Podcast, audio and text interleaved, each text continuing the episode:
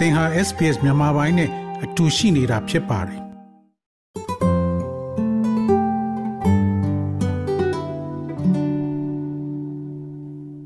တော်ရရှိများယနေ့ဒီဇင်ဘာလ23ရက်ဗုဒ္ဓနေ့အတွက် SPS News Flash သတင်းထူးများကိုတင်ဆက်ပေးမှာဖြစ်ပါတယ်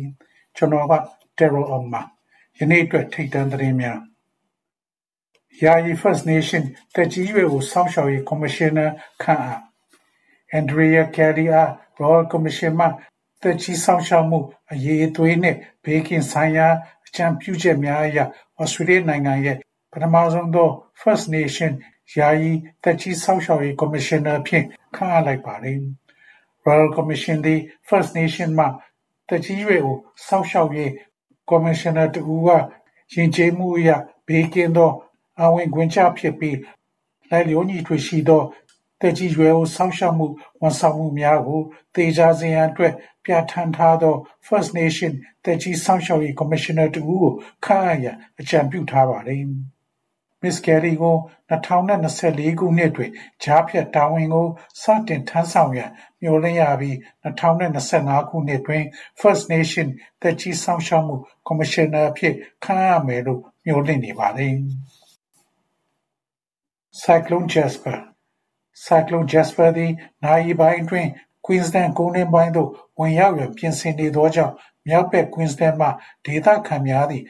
မြင့်မားသော သတိပေးချက်တစ်ရပ် ထုတ်ပြန်ထားပါသည်။ဆိုင်ကလုန်းစနစ်အား Category 1 သို့ အဆင့်နှိပ်ထားသော်လည်း ကြီးကြီးမားမား ပျက်စီးနိုင်တဲ့အလားအလာများနှင့်အတူ ပြင်းထန်သော မိုးနှင့်လေပြင်းများ သယ်ဆောင်လာမယ်လို့ ထင်မှတ်နေရပါသည်။ဆိုင်ကလုန်းမုန်တိုင်းသည် ယနေ့မွန်းလွဲပိုင်းတွင် Cairns မြောက်ဘက်ရှိ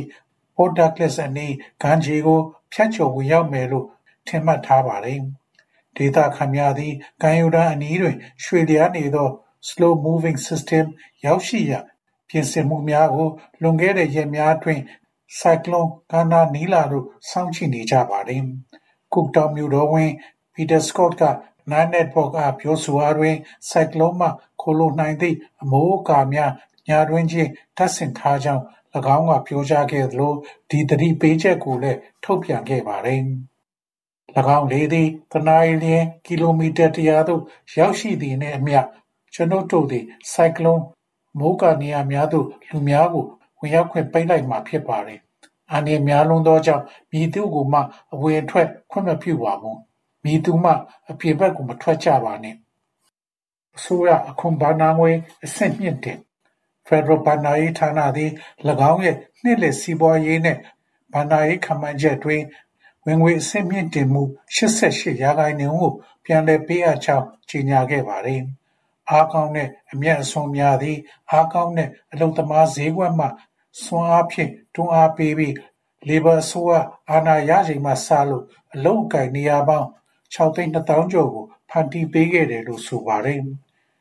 နှစ်လည်ဘတ်ဂျက်အပ်ဒေ့တွင်အမှန်တကယ် လုပ်အားခတိုးလာမှုကို လာမယ့်နှစ်အစောပိုင်းမှာ ပြသမယ်လို့ မျှော်လင့်ကြောင်း ပြောဆိုထားပါတယ်။ Federal Treasurer Jim Chalmers သည် ယနေ့နံနက်10နာရီခွဲ နှောင်းပိုင်းတွင် တရားဝင် update ကို ပေးဆောင်ရန် စီစဉ်ထားပါတယ်။ပိုရှာငွေအတွက် ဘာမှ မစီစဉ်ထားတော့လဲဘတ်ဂျက်အနေအထားတွင်တိတိသာသာ တိုးတက်မှုရှိလာမယ်လို့၎င်းက ABC သို့ ပြောကြားသွားပါတယ်။ Israel Hamas ပဋိပက္ခဆိုင်ရာ ပူးတွဲကြေညာချက်ဩစတြေးလျ၊နယူးဇီလန်နှင့်ကနေဒါနိုင်ငံတို့မှ ဝန်ကြီးချုပ်များသည် Israel Hamas ပဋိပက္ခတွင် ပူးတွဲကြေညာချက်တစ်ရပ်ကို ထုတ်ပြန်ခဲ့ပြီး ဂါဇာကမ်းမြောင်တွင် ရေရှည်တည်တံ့သော အပစ်အခတ်ရပ်စဲရေး ဖန်တီးရန်၎င်းတို့ရဲ့ထောက်ခံမှုကို ကတိပြုထားပါသည်။ဒီဇင်ဘာလ13ရက် ဗုဒ္ဓဟူးနေ့တွင် ထုတ်ပြန်ကြေညာချက်တွင် Anthony Albanese, Chris Luxon နှင့်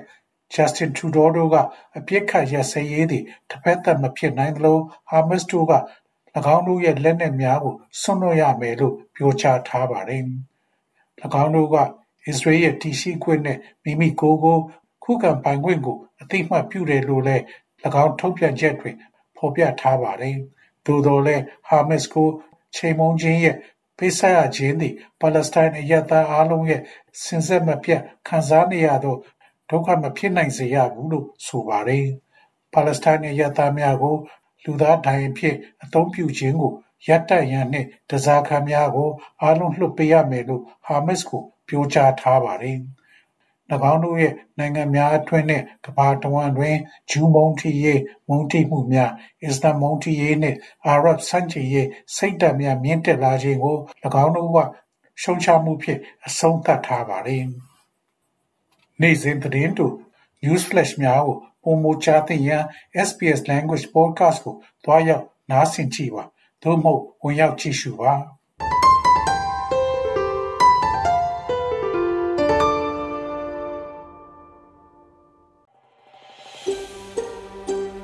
ဒါမျိုးသတင်းဆောင်မာတွေကိုပိုနားဆင်လိုပါလား Apple Podcast Google Podcast Spotify တို့မှာသင်ပင်ရာဖြစ်ဖြစ်ရယူတဲ့ podcast ကနေပါ